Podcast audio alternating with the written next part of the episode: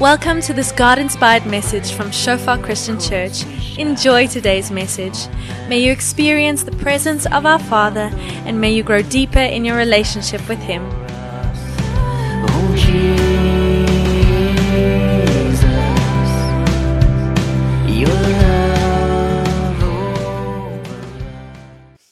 En vanoggend is ons hierso besig met vernuwe jou gedagtes deel 2 en ons tema vir van- vanoggend is hoe om jou heining te versterk. Nou vir die van julle nie weet wat hierdie heining is waarvan ek praat nie. Laasweek was deel 1 gewees en dit het gegaan oor die elektriese heining.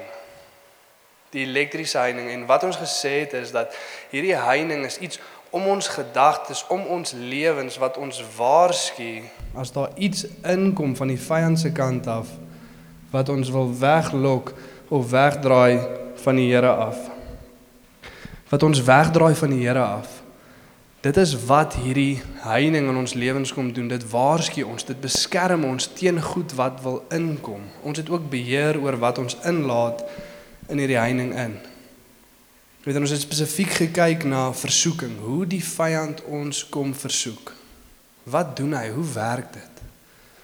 Hoe word ons versoek? Hoe word ons mislei om verkeerd te dink? En as jy nie hier was nie, gaan kyk asseblief op ons op ons webtuiste Shofar Sekunda Sermons op Apple Podcast of op Spotify. Daar sal jy dit kry. Maar gaan luister gerus na dit wat vandag bou so bietjie op daai. Maar voordat ek begin, laat ek dit vir ons open in gebed. Ja Vader, dankie dat U goed is, Here. Dankie dat U hier is, Here. Dankie dat U elke mens uitnooi, Vader. Elkeen van ons is hier so omdat U ons geroep het om hier te wees. U werk alles ten goeie saam vir U wil, Vader, en vir die wat U liefhet, Here. Hierdie is U wil, Vader, dat ons ver oggend hier moet wees en hierdie boodskap hoor, Vader. En ja, dankie vir dit, Vader. Dankie Heilige Gees dat U hier is en ja, in harte werk en gedagte werk. En ons kom vra net Here dat U ons gedagtes sal kom vernuwe, Here, dat U ons sal kom vorm dat ons meer lyk soos Jesus in Jesus naam. Amen.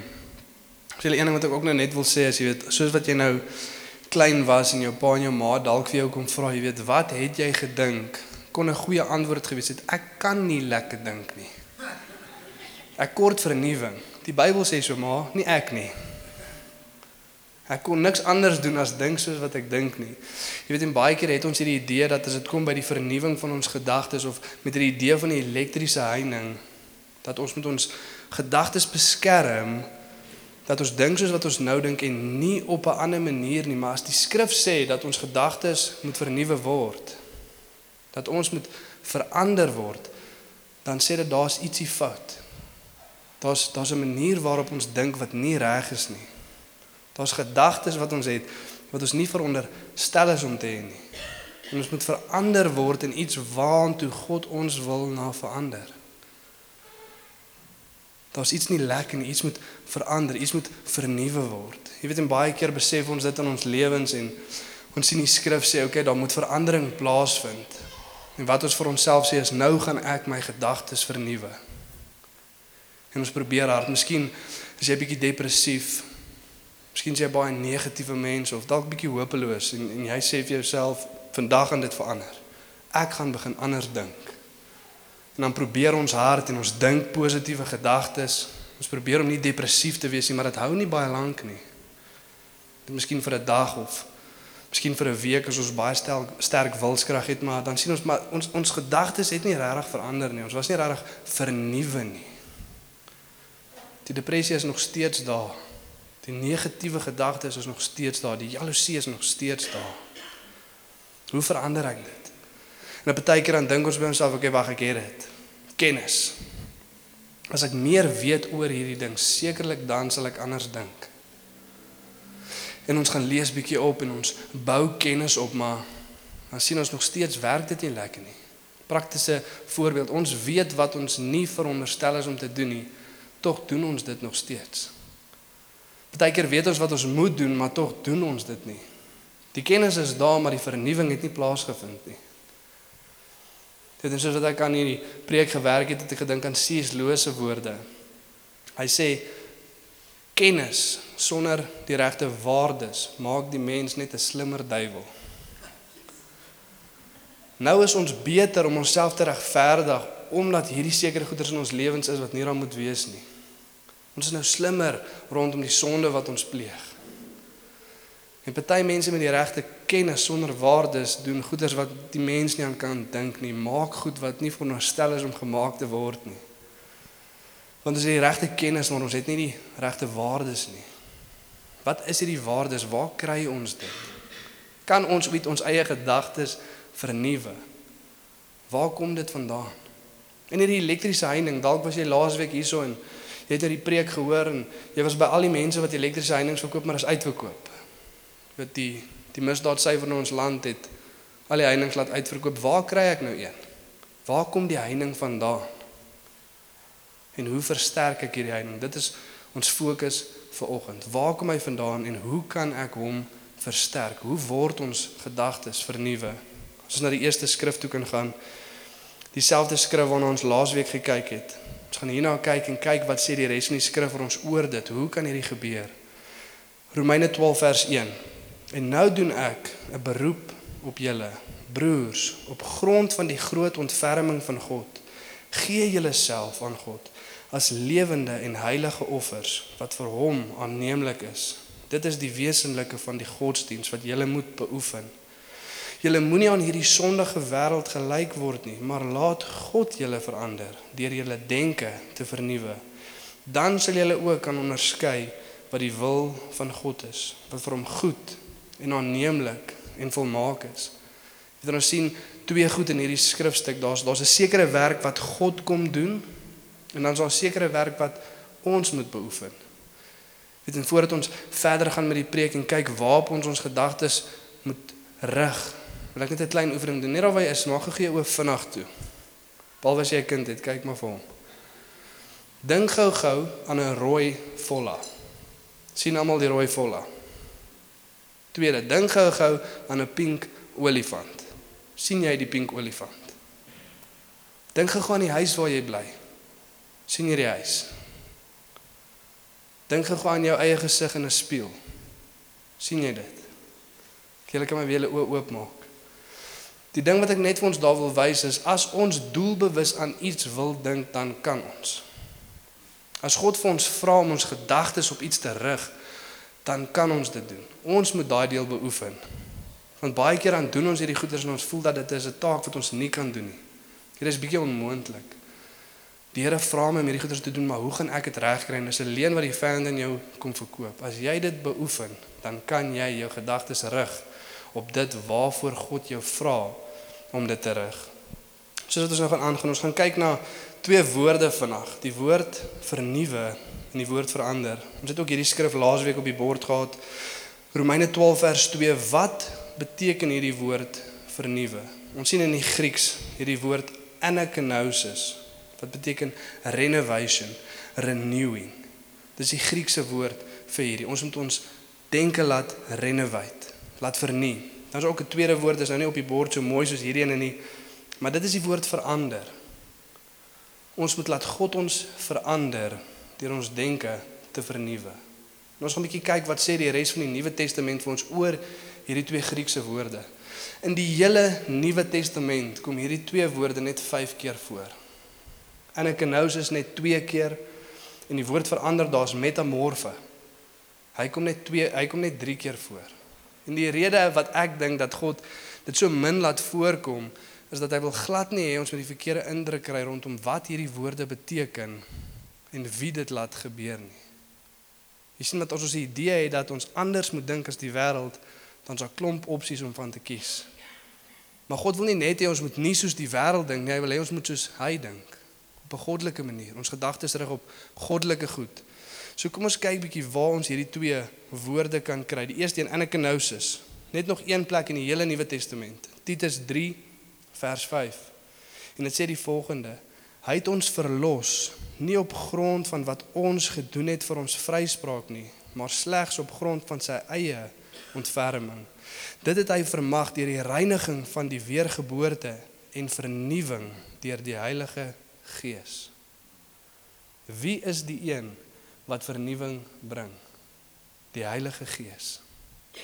Op ons eie kan ons so hard probeer as wat ons wil, maar as die Gees nie werk nie, vind vernuwing nie plaas nie.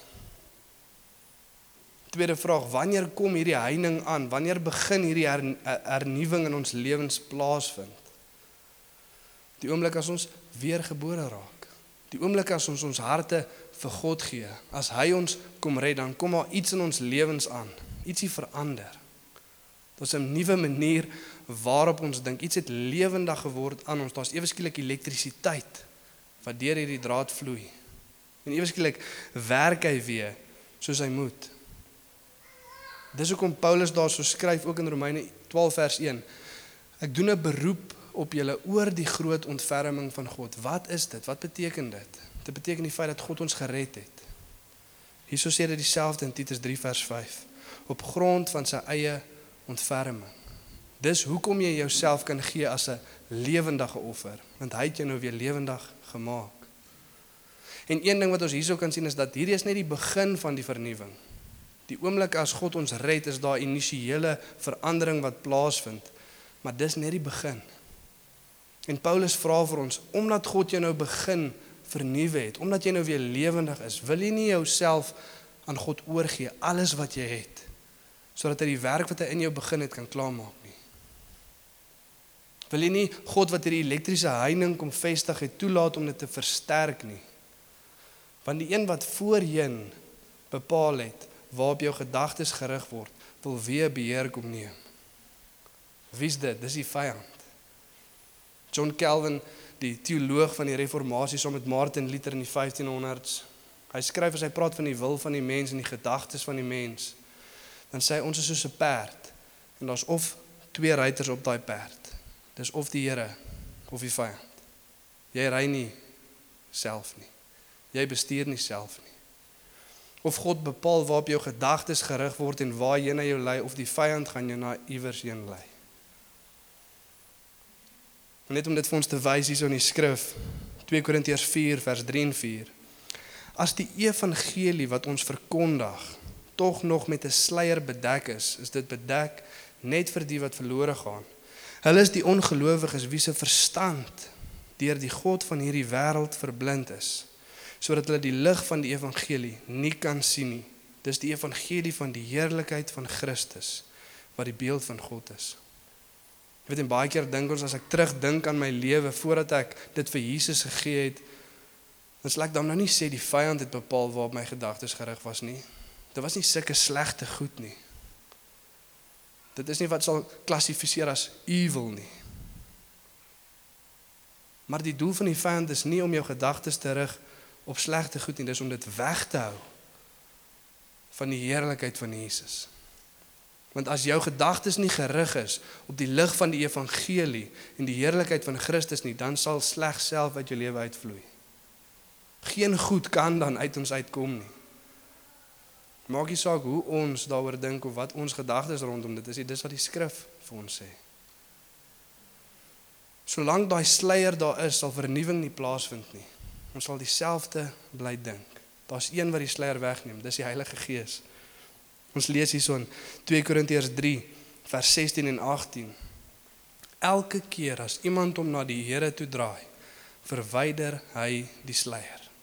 En terwyl ons almal met onbedekte gesigte soos in 'n spieël die heerlikheid van die Here aanskou, word ons van gedaante verander na dieselfde beeld van heerlikheid tot heerlikheid as deur die Here wat die Gees is.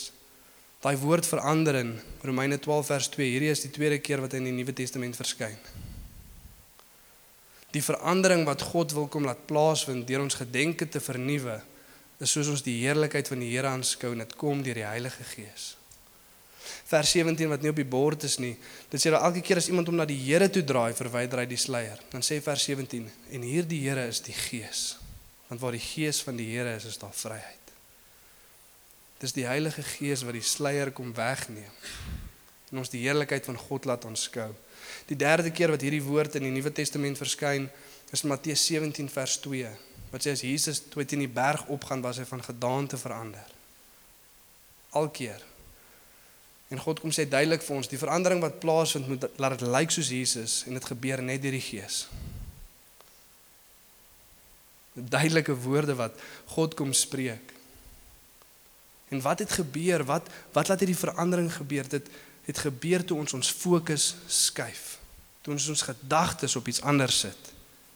Op Christus en sy heerlikheid.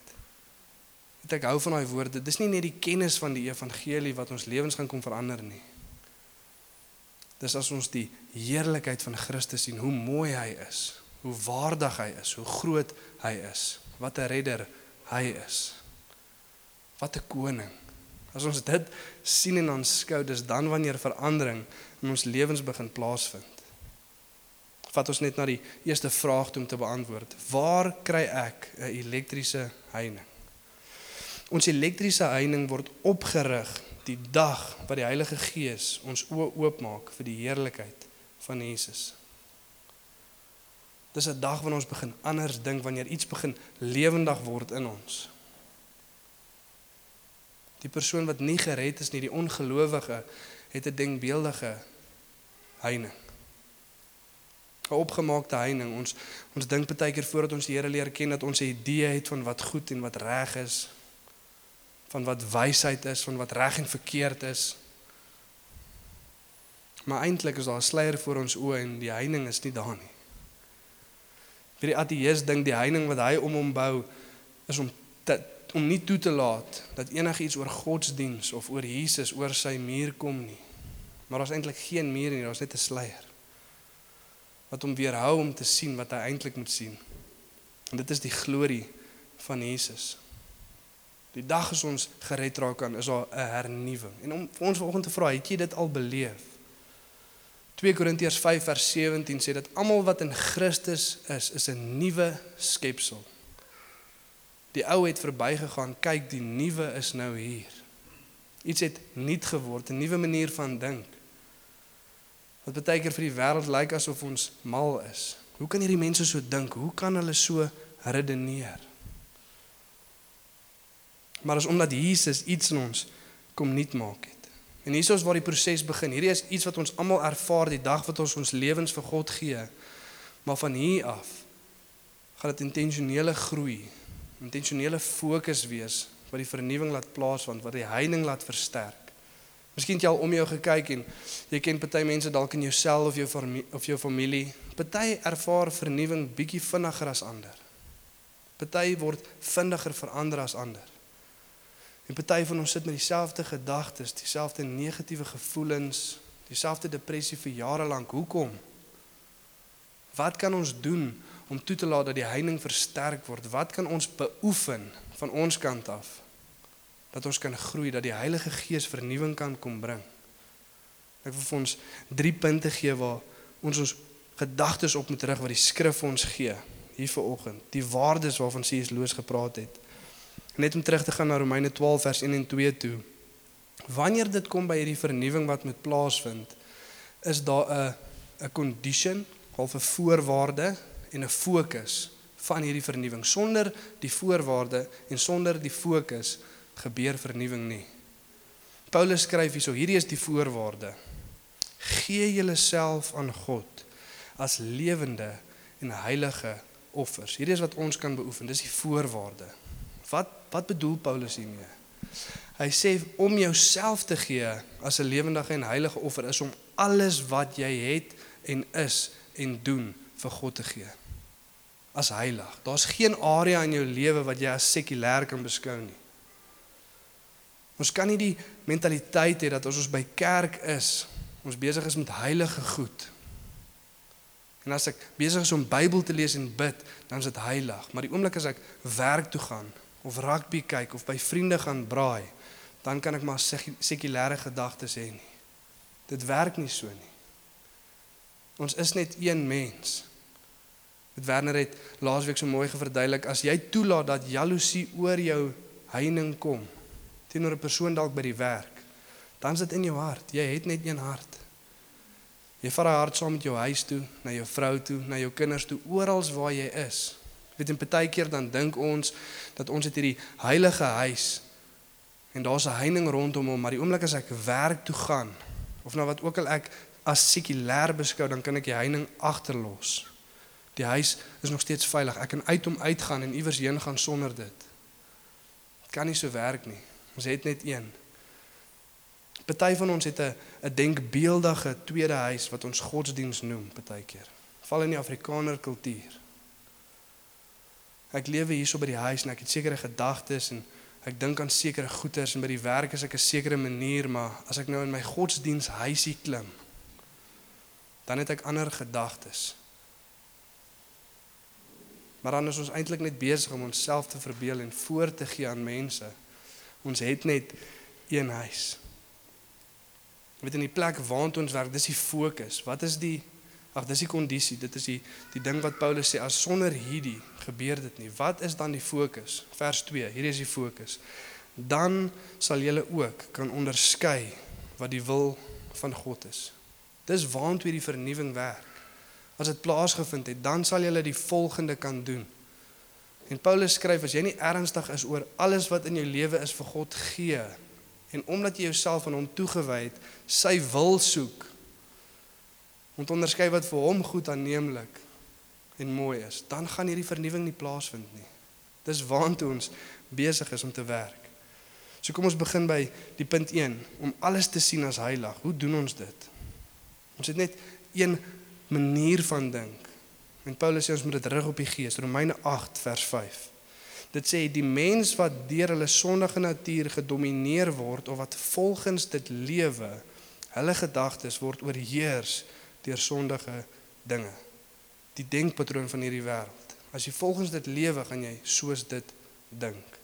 Maar die wat deur die Gees beheer word of deur die Gees wandel, hulle gedagtes is vol van die dinge wat die Gees gelukkig maak. Wat is die fokus? Ons wil God gelukkig maak. Ons wil sy wil uitleef. Sonder dit gebeur dit nie. Jy sien die mense waarvan Paulus hier praat is verskillende mense. Die mens wat deur die sondige natuur gedomeineer word en die wat deur die gees beheer word is twee verskillende mense. Jy kan nie daai denkbeeldige huis hê wat ons godsdiens noem nie. Dit werk nie so nie. En hoe langer ons probeer om in twee verskillende wêrelde te lewe, hoe meer mislei word ons en later weet ons nie meer wie ons regtig is nie. Wie is ek regtig? Hoe dink ek regtig? Is ek nou die ou by die kerk Is ek nou die ou by die werk of is ek die ou wat ek by die huis is saam met my man, my vrou en my kinders? Wie sê ek regtig? Hoe dink ek regtig? Want ek is nie meer seker nie. Ek staan so goed in voorgee dat ek aan myself begin 'n leen verkoop het vir wie ek is.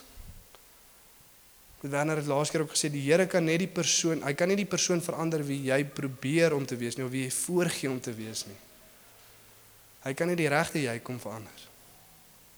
Weet jy wat my baie keer nogal hartseer is, maar die Here het my regtig begin hart gee vir vir die mense is nou dat ek in die bediening is of jy weet die dag toe ek 'n pastoor geword het, nou gaan kyk ek by mense en wat nou interessant is is ek ken hierdie mense. Ek het saam met hulle groot geword. Ons het saam gekyk voordat ek gered was. Nie eens in die bediening nie. Ek weet hoe het ons gedink, wat het ons gedoen, wat het ons gesê? Hoe het ons opgetree? Ek weet, ek was daar. En party van die mense is familie.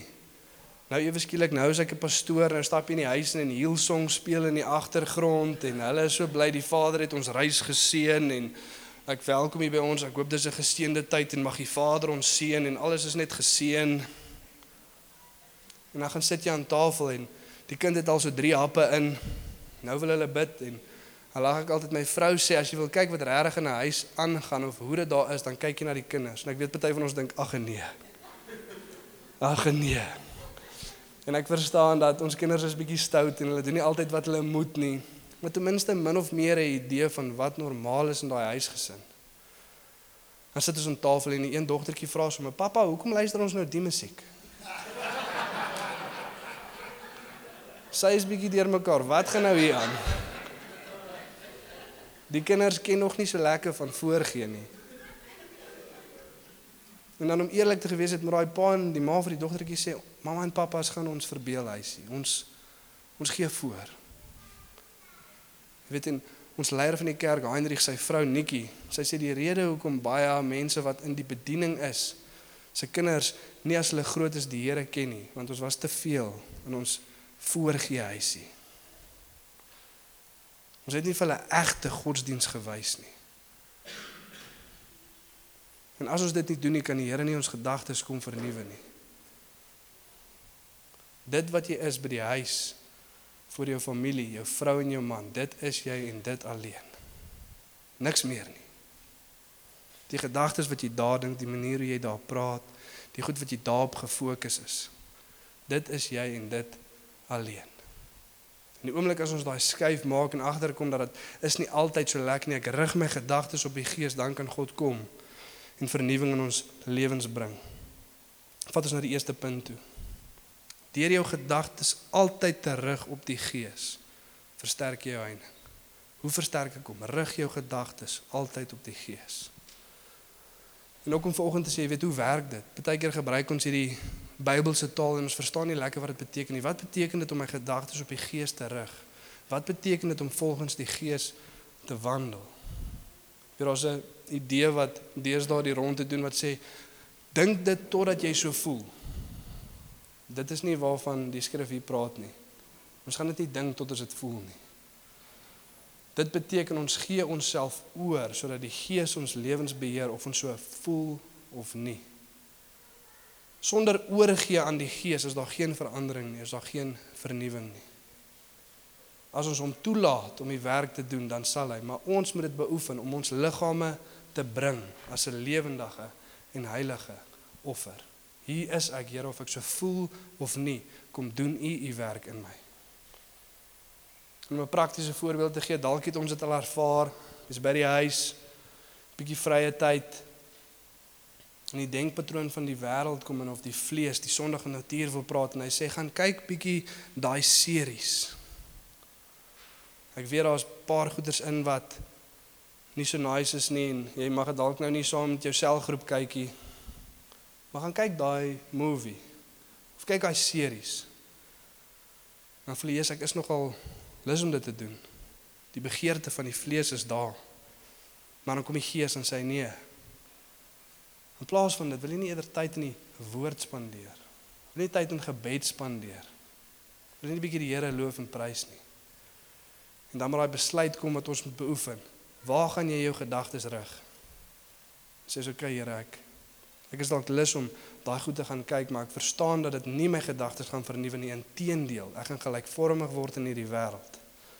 Al is ek nie lus nie, ek lê myself neer, ek bring myself heilige offer. Doen die werk in my. Van kom jy dalk by die werk, jy het nou 'n promotion gekry. Nou gaan jy vir die mense wys wie die baas. Ek gaan hier heers oor hierdie mense. Dis die gevoel wat jy kry, die Gees kom dan in en hy sê nee, herinner jou aan die woorde van Jesus. Die wêreldse mense heers oor hulle, dit sal nie so wees met ons nie. Maar wie ook al wil heers moet dien. Wie ook al groot moet wees, wil homself klein maak en die laaste van almal. Kyk Here, ek, ek hoor wat jy sê. Ek's nie lus om dit te doen nie, maar ek skuif my gedagtes te dink soos U kom doen die werk in my. Ek wil daai vernuwing ervaar. Ek dink soos ons hier kan sit, kan ons almal daai kere kry toe die Gees ons wil kom lei. Partykeer gee ons in, partykeer nie. Dit beteken nie ons gaan altyd die regte ding doen nie. Ons gaan die verkeerde ding doen. Ons gaan partykeer die verkeerde denkpatroon hê, maar as ons toelaat dat die Gees ons weer kom lei, dan sal dit skuif. Ons gaan later kyk na 'n voorbeeld van dit in Paulus se lewe. Hoe die Gees iets in sy hart kom skuif het.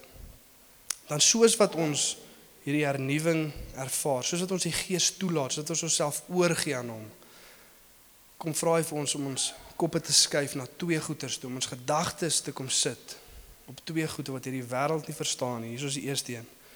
Paulus wat skryf: Ons wil hê broers dat julle moet weet van die moeilikhede wat ons in die provinsie Asië ondervind het. Die swaar wat ons moes verduur het ver bo ons kragte gegaan sodat ons self die hoop om te bly lewe laat vaar het.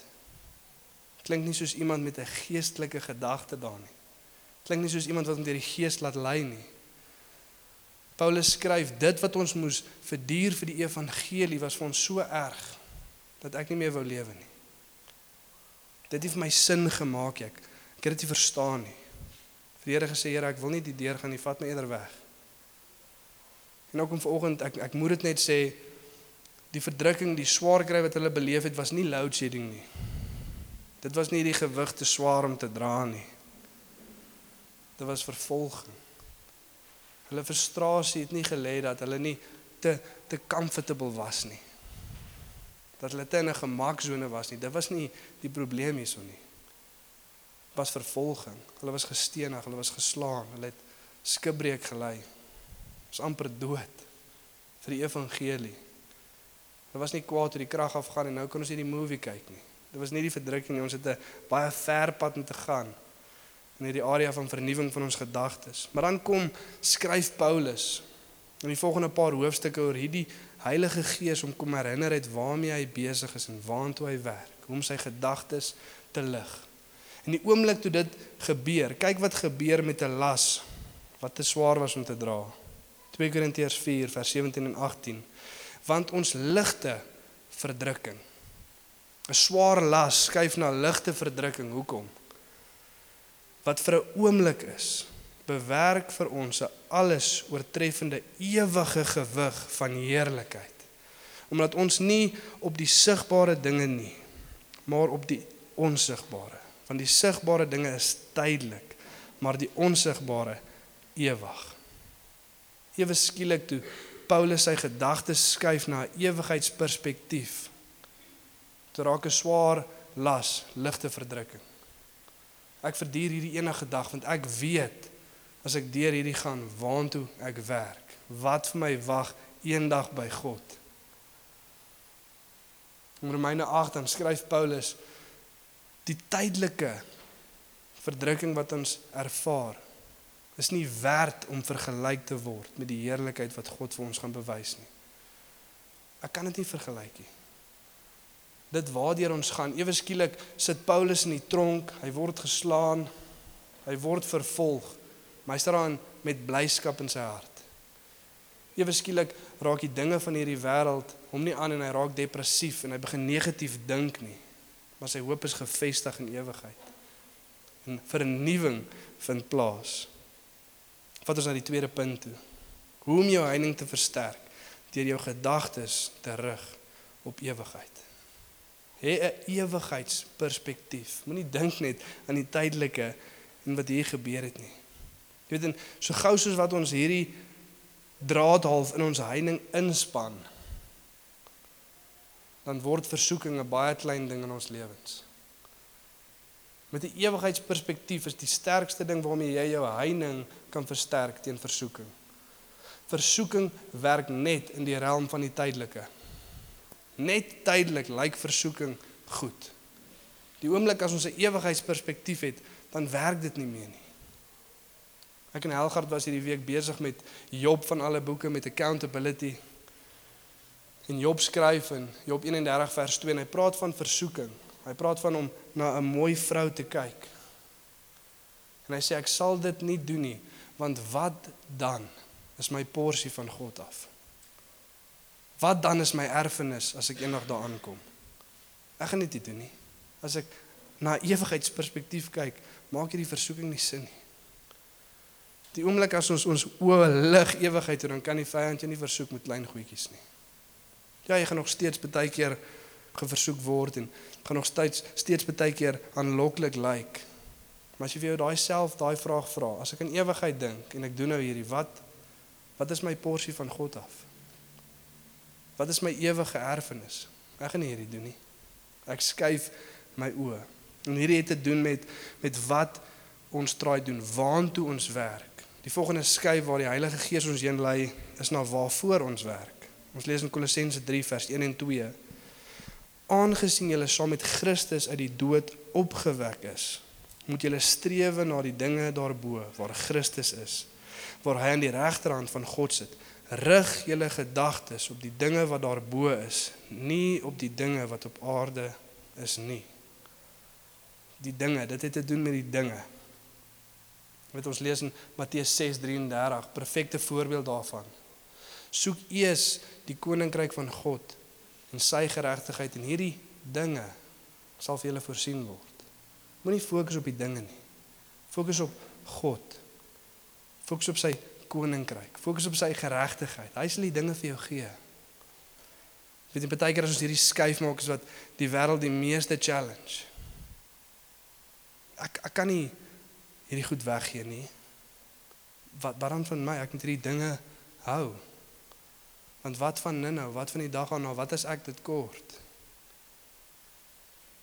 Maar as iemand wat sê hy glo in God en dan kom Jakobus en hy hy challenge ons bietjie wat ware geloof is. Hierdie is 'n 'n 'n uitnodiging om met ware geloof te lewe. As ons ons dinge rig, as ons ons gedagtes rig op die dinge wat daarbo is. Ons lees in Jakobus 2 vers 19. Hy sê jy glo God is een, baie mooi vir jou. Die demone glo dit ook en hulle bewe. Maar ware geloof is omgee vir die armes, vir die weduwees en die wees. Waar is jou hart vir hulle? Hoekom hou jy aan jou dinge vas as jy sê jy glo in God? En dit kom challenge ons bietjie nie, maar ek kan hierdie goed weggee nie. Want soos maar meneer, wat wat het jy meer nodig as Jesus? Jy het hom klaar. Wil jy nie laat gaan nie of Jesus ek ken 'n ek ken 'n persoon en jy weet sy ouers verstaan dit ook nie lekker nie. Ons gaan nou sendingswerk doen. Ons gaan alles agterlaat. Ons gaan die dinge laat staan en ons gaan gaan om die Here te gaan dien in die sendingsveld. Hoe kan jy dit doen? Hoe kan jy gaan? Hoe kan jy die goed hier agterlos? Waarmee is jy besig? Wat het jy gedink? Het ek het gedink aan ewigheid maar. Ek het gedink aan hemelse dinge. Hierdie goed is niks werd nie. Die persoon wat dit mooi verstaan het was Dawid. Ons lees in Psalm 73. Ek wil hiermee afsluit. Hy sê, "Wat het ek in die hemel behalwe U? En daar's niks op aarde wat ek meer begeer as U nie." Al gaan my vlees en my hart in vlerde, U is my erfstuk vir ewig. U is die een wat ek soek. Ek rig my oë op hemelse dinge. Die goed kan maar vergaan. Maar ek wil hê God moet my my gedagtes kom vernuwe, soos wat ek fokus op die Gees. Soos wat ek fokus op ewigheid. En dan die derde punt. Hoe om jou heining te versterk deur jou gedagtes te rig op hemelse dinge.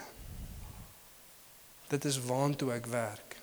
Al maak dit nie vir die wêreld sin nie, al dink die mense om jou jy's bietjie mal. Jy verstaan hoekom jy doen wat jy doen. En dit gaan vir ons moeilik wees. Ons gaan nie altyd dit wil doen nie, maar God sê beoefen dit. Bring jouself as 'n lewendige offer. Rig jou gedagtes op hierdie goed. En as jy dalk nie weet waar om te begin nie, is dalk maklik om aan 'n pink huis te dink of 'n olifant of 'n volla. Maar wat is hierdie goeters? Gee jouself oor in die Gees, maak jou Bybel oop. Begin sommer met die evangelies weer van voor af en sê Gees, Heilige Gees, ek vra U kom rig my gedagtes op die heerlikheid van Jesus.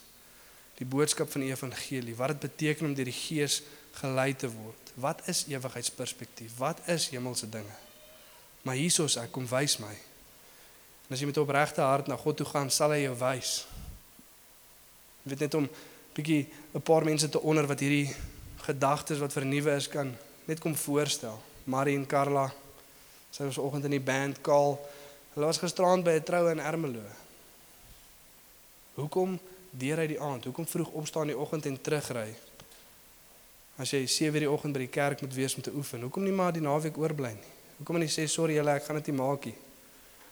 Pieter Hy en Danel ry gisterand deur Bethel toe slaap daar by hulle ouers. Pieter ry ver oggend 6 uur om hier te wees 6 uur van Bethel af.